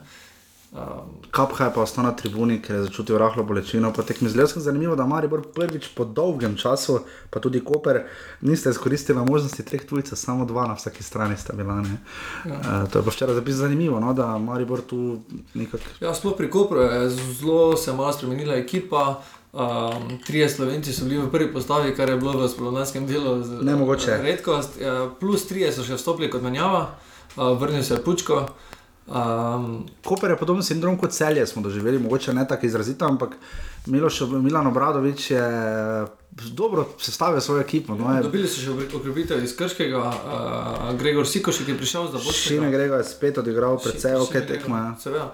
Uh, ter Datkovič, ki bi naj bil enem odhodu. Uh, Kar je čudno, ker je bil kapetan. Pri Kopru je vse. Toni Datkovič, ki je v klubu, kaj pol leta je kapetan, uh, uradni trener je legendarni, uh, no, legendarni branilec uh, Samir Zulič, ne? je uradno trener, ker ima UEFA, ker ima, UEFA, ker ima pro licenco, pomočnik trenerja je pa dejanski trener Milan Obradovič, ki ima samo A licenco, pri čemer v Kopru smo minuli teden brali, da naj bi uh, 9 točk jim vzeli, bojda zaradi težav v licenčnem postopku od 9 do 15 točk lahko je ti NZS prisodi, kot mi je včeraj povedal novinarski kolega Rok Maver. Uh, s katerim sem malo tudi debatirala, kaj in kako s Koprom, uh, ker dejansko predstava Kopra ni bila tako slaba, Dobro kot slaba. je vse stanje in vse Ibričič je dobro odigral tudi uh, Muslimovič, ne glede na leta, ter novinec Ibričič. Uh -huh. uh, tudi Jefton Štoper uh, se je dobro pre predstavil in uh, so predstavljali kar dosti težav. Veš, kaj imam občutek pri teh Valencija, pa Balim, Belima, pa tudi malo zaradi Muslimoviča in Datkoviča, predvsem zaradi njih dveh, da imam občutek, da bi Koper lahko bil letos zavreč? Ja, že zaradi županskih naves in vsega ostalega, ampak tudi tak občutek imam, no. Če pa, pa res dobili te minus točke, bo pa, pa problem. Ne? In tukaj uh, pa, Ja, pol bo res problem. ja, še bomo dobili mogoče eno ekipo za borbo. Ja, pol se bo, ja, ja pač bomo videli. No, ampak, uh, Koper je imel svoje priložnosti, najlepšo Zlatan Muslimovič, ko je ravno Adis Hočič iz črte izbil že premaganega Handanoviča. Ne, Adis Hočič, tisto je napačno bilo napisano, Hočič je izbil, napačno je napisano tam, ja, Hočič je izbil, milijon pa če izbil na tekmi. Uh, Hočič je tam uh, res sjajno izbil iz golove črte. Uh, um, Tudi uh, Sonja ima priložnost, eh, Ja. na drugi strani je tudi ima 100% priložnost. Na začetku tekme Darko Milanič je bil navdušen nad dvema zicerjema, ki so si jih ustvarili, čeprav nista šla v gol najprej sani. Ne. Tam je res uh, Palk uh, nerodno podal nazaj, ravno na nogo Sanijo, ki bi malo nezbaven skušal med nogami. Skušal je med nogami premagati Simčiča, žoga se odbila do Tavaresa, ki je žogo nabil na Kalvarijo. ne. Uh, in pa potem je imel seveda tam okrog 65 minut, imel pa sjajno priložnost Milivoje Novakovič po res Ter tudi Dina. Hotiča. Vršič tudi tam z akcijo Salalih. Datkovič reši, rešil ščrte, ampak Milivoj Novakovič, da se tu ustavimo za moment, je imel spet zicer, številka 2 milijona 335 tisoč, odkar je v Mariboru in spet mimo. Ne. To je težava. Ne. Realizacija je za enka Maribor težava, predtem se Darko Milanič težko skrije. Ne. Lahko razlaga Darko Milanič, da imamo diagonale, zadovoljenje, ker pridejo visoko, ampak kaj to pomaga, če potem žoge, napadalci so bili odrezani, se ne na zadnje, gole dobro šične. Ja. Um, tukaj se vidi, da naprimer, um, mladi hočiš in hotiš, morate biti nosilca igre. Ne, In Ne, fair je, ne, to ne odigrala- od dveh. Dejansko sta odigrala zelo dobro. Uh -huh. In obe tekmi sta igrali zelo dobro. Tudi, tudi moje mnenje je prav, da, so, da je hotiče zamenjal. Ja, moral ga je, ker je pač. Pregorel bo in, pregorel bo, in ja. še je tekma v Četrtek, četrtek nova, ja. Uh, Salika je spočil um, in uh, pravilno, da je tukaj se odločil za menjavo. Tudi Hodič, ne? Hodič je 17 leti enostavno odigral tako, da sploh ne veš, da je 17 let star. Ja. In uh, tukaj se vidi pa, da na drugi strani, pa tako na levi strani se ne sodeluje. Viler in Bajdej sta se nista ravno ujela, Bajdej stoji prenisko in se ne vključuje toliko v napad, v primerjavi z ne vem, z po- Podjurčičem, ki je bil večinoma v kazenskem prostoru in vi- visoko, tukaj pa je kot nek vezist in uh, se enostavno ne znajde tako. Ne. Pri Milaniču je pač njega zadovoljilo to, da uh, pravi, da bo veliko potrpljenega potrebno, ne toliko pri zicerjih, ampak pri predložkih, ker to pa se je videlo. Dino Hotič še nima. Večina predložkov je bilo previsokih, ne z leve, pa tako ali tako ni bilo, kot si omenil, ker Ja. pač Viler in Bajde sta bila praktično povsem odrezana in bočni. Boki so bili tisto, kjer je Marijo znal narediti razliko. Na sredini stabilno, potem pa če se je uresničilo, se je preko bokov. ne. Uh, in uh, mislim, da tu, če, bojo, če bo Levski zaustavil Boke ali pa, ali pa kdorkoli v ligi, bo imel Marijo hude težave. Ne. si videl, Levski se je pripravil zelo na Salika, ki pa ni mogel v tem času odigrati. ene In to je tudi rekel, recimo, akcije, ne. Petrovič je rekel, da je bil razoča, celo razočaran nad predstavo Salaliha, ne? oziroma da so ga pač res dobro zaprli. In, uh, jaz mislim, da Maribor čaka pester teden. Uh, ljudski vrt je bil zelo potrpežljiv do, ne, do neke točke. Ne? Uh, Milanič je pohvalil dobro navijanje, viole so tokrat res fenomenalno navijale, slišali smo. Kar nekaj z dobrih starih komadov, iz res ornih repertoarja, praktično od prve minute navijanje. Tudi shodna tribuna je zelo podpirala klub in uh, ta energija, na koncu so res uh, navijale viole, tam ko je šla tekma izrazito v podaljšek, upajoč, da bo gol. Je pa res nekaj, malo debat je bilo nekaj o so- sodnikovem podaljšku in da je Maribor dal gol prepozno. Moje mnenje je, da ga niti približno ni dal prepozno, ker je tri minute bilo absolutno premalo, zato ker so se kopričani dvakrat izdatno valjali. Bilo je Menjava, bilo je pet menjav do 90, potem pa še Muslimoviča v dodatnem v sodnikovem podaljšku. In jaz mislim, da tu iskreno bi povedal, če bi mislil, da je bi res iskreno povedal, če bi ga, če bi ga pa dal v 95 minuti, vršič bi pa rekel, da je prepozno. Ja. Uh, ampak to zdaj spada, ja, ker pač navijate za Maribor, pa trala. Ne gre za to, pač jaz mislim, da. Uh, Vsekakor je bil zadetek, edina akcija, ki je ratala, mislim, noro je to edina akcija, ki je ratala, je ratala z leve, potem ne, Viler, ne, ki je imel zelo slabo tekmo. Ne. Se pa tukaj videlo, da vršiče ustreza ta pozi- pozicija, ki bi drugače igrala Tavares, da, da je bolj, uh, Saj- da je bolj gibljiv, da uteka levo, desno. in- Ja, se je bilo vprašanje, ali, jaz sem ga vprašal, Mijaniča, ali zato pomeni, da bo vršič, če mu je povzročil kaj dodatnih dilem, ne, ali jih razrešil. Ne. Rekel je, da, da, dare, da je vesel za njega, pa to pole padlo dodatno vprašanje. Da je vesel za njega za vlogo, ki jo opravlja, da pričakuje, da bo skočil ne, in z izkušnjami pokazal. Pole spet padlo vprašanje, zakaj samo za 30 minut, max. Ne.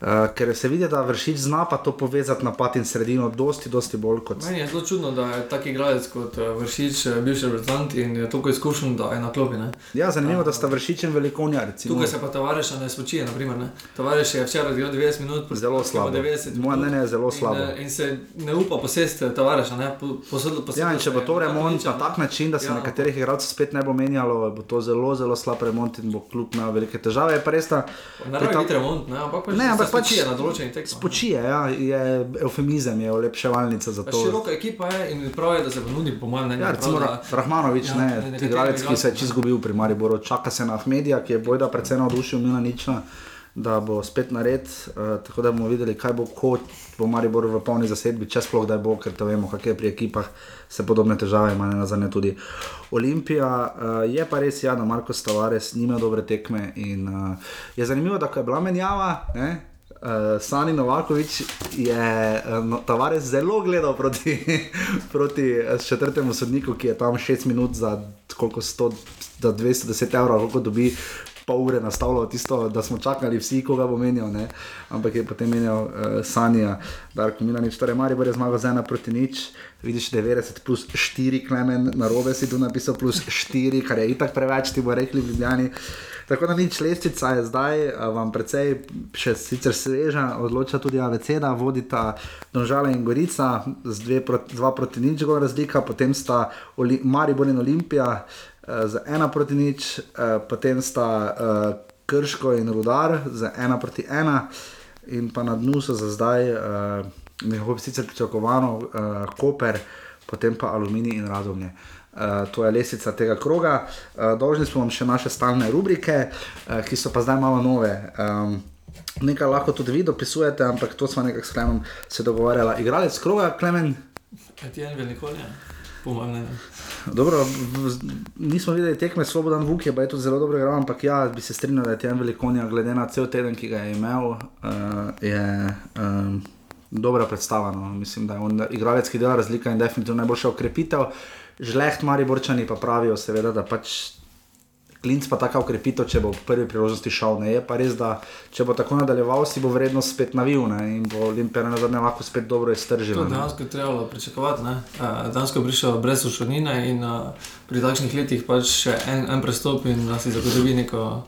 neko Pač spet se kaže, da Maribor bi bolj prav prišel v tem trenutku, ker pa res pa, da tip igralca kot je, bi ga verjetno na bok stisnili. Ne? In Vprašanje, kaj bi pol bilo. Uh, potem smo pri golu kroga, imamo tri predloge, uh, Etienne Velikonja, prosti strel, uh, potem Sandy Arčon, uh, proti Gorici tista solo akcija in pa prekrasen gol Filipa Dangoviča, uh, ko je premagal Golmana, ki se ne piše več Radan.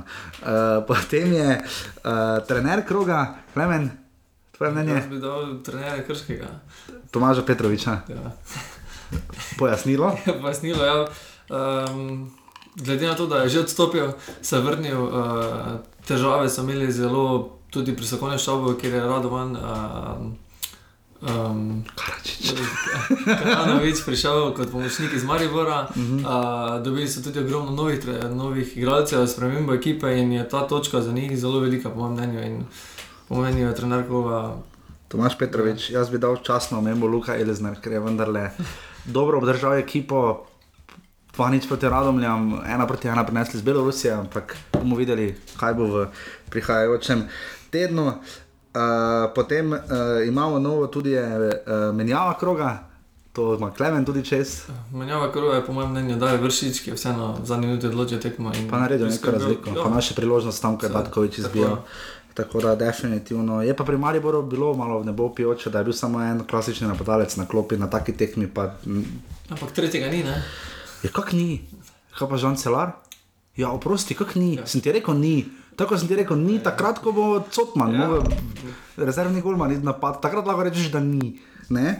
Kak me ti, jo, me to pošizim. Uh, stadion oziroma navijači kroga, kot smo rekli, Terror Boys je v športnem parku v Novi Gorici. Tako da čestitko offset kroga, pa tokrat pripišemo offset kroga je rubrika za uh, prepovedan položaj oziroma nekaj, kar fujte bodi, je pa NZS za res zapoznel, zapoznel in uh, malo bolj kilo štart v sezono, ki smo se vsi tako veselili, pa komaj čakali. In očitno na ZSU je precej nepripravljeno. Uh, še kaj smo pozabili, kaj je rubriko? Taktiko kroga si pa ti analiziral 3-5-2 od Olimpije. Tako da um, zdaj bolj ali manj veste, uh, kako in kaj. Hvala Mateju Ražmu, da si vzel čas za, uh, za nas in za uh, offset in za vas, cenjene poslušalke, poslušalci. Uh, če boste kakšne predloge, kot smo jih dobili prejšnji teden od uh, ene od poslušalk, bomo zelo, zelo veseli jih probali upoštevati. Uh, malo smo se sicer tudi mi lovili, ne tako na ZS, ampak uh, oziroma prva liga in uh, upam, da je uh, to bilo dobro. Jaša bo, preden bo prebral uh, pare drugega kroga in vam povedal, uh, tisto smo vam že povedali, da bo evropske tekme prebral druge pare drugega kroga, bo Klemen še razmislil, kaj mora vedno na koncu. Da je povedati, zato ker je bilo to dogovoreno, ne me To ne zanima. odrezali. Mene zanima, nismo odrezali niti slučajno. Kako odrezali? Ja. Drugi krok uh, bo na vrsti, seveda, prihodnji konec tedna.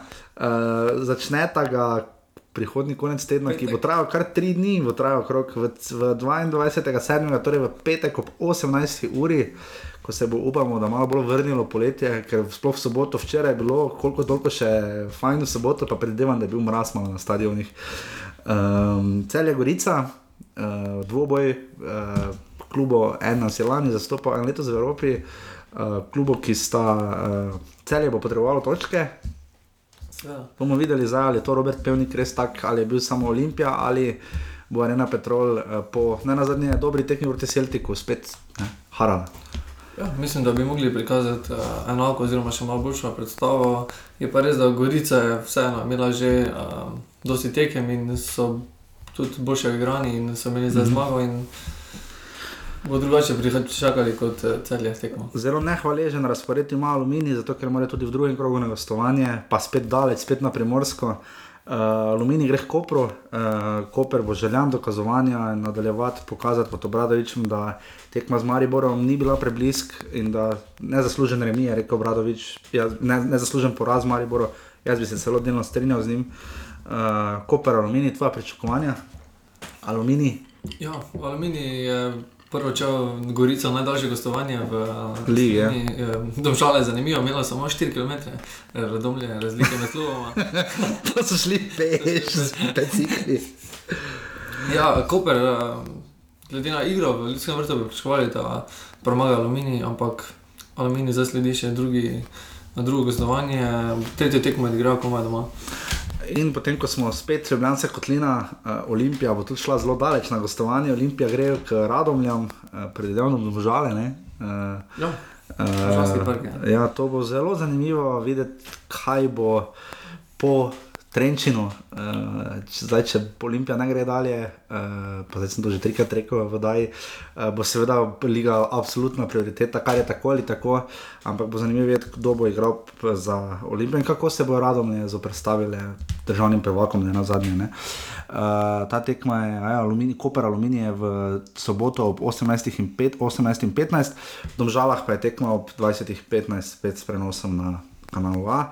In pa potem še dve, dva nedeljska obračuna, Krško Domžale, uh, taki trenerski dvoboj. Uh, Krško bo skušalo spet kako točko odščipniti. Dom, Domžale bo šle s predvidevanjem, da po tri je pa res, da mogoče bo se ritem prišel malo do živega. Ne? Ja, malo bo rotirali ekipo, je pa res, da imajo široko, širok kader in, uh, in možno, da bodo spočili določene igralce in vseeno skakovali že drugo zmago. In pa v ljudski vrt se vrača po zadnjem krogu Rudar, ne, ki je v ljudskem vrtu zelo navdušil v zadnjem krogu in požel fanatične aplauze tudi domače publike.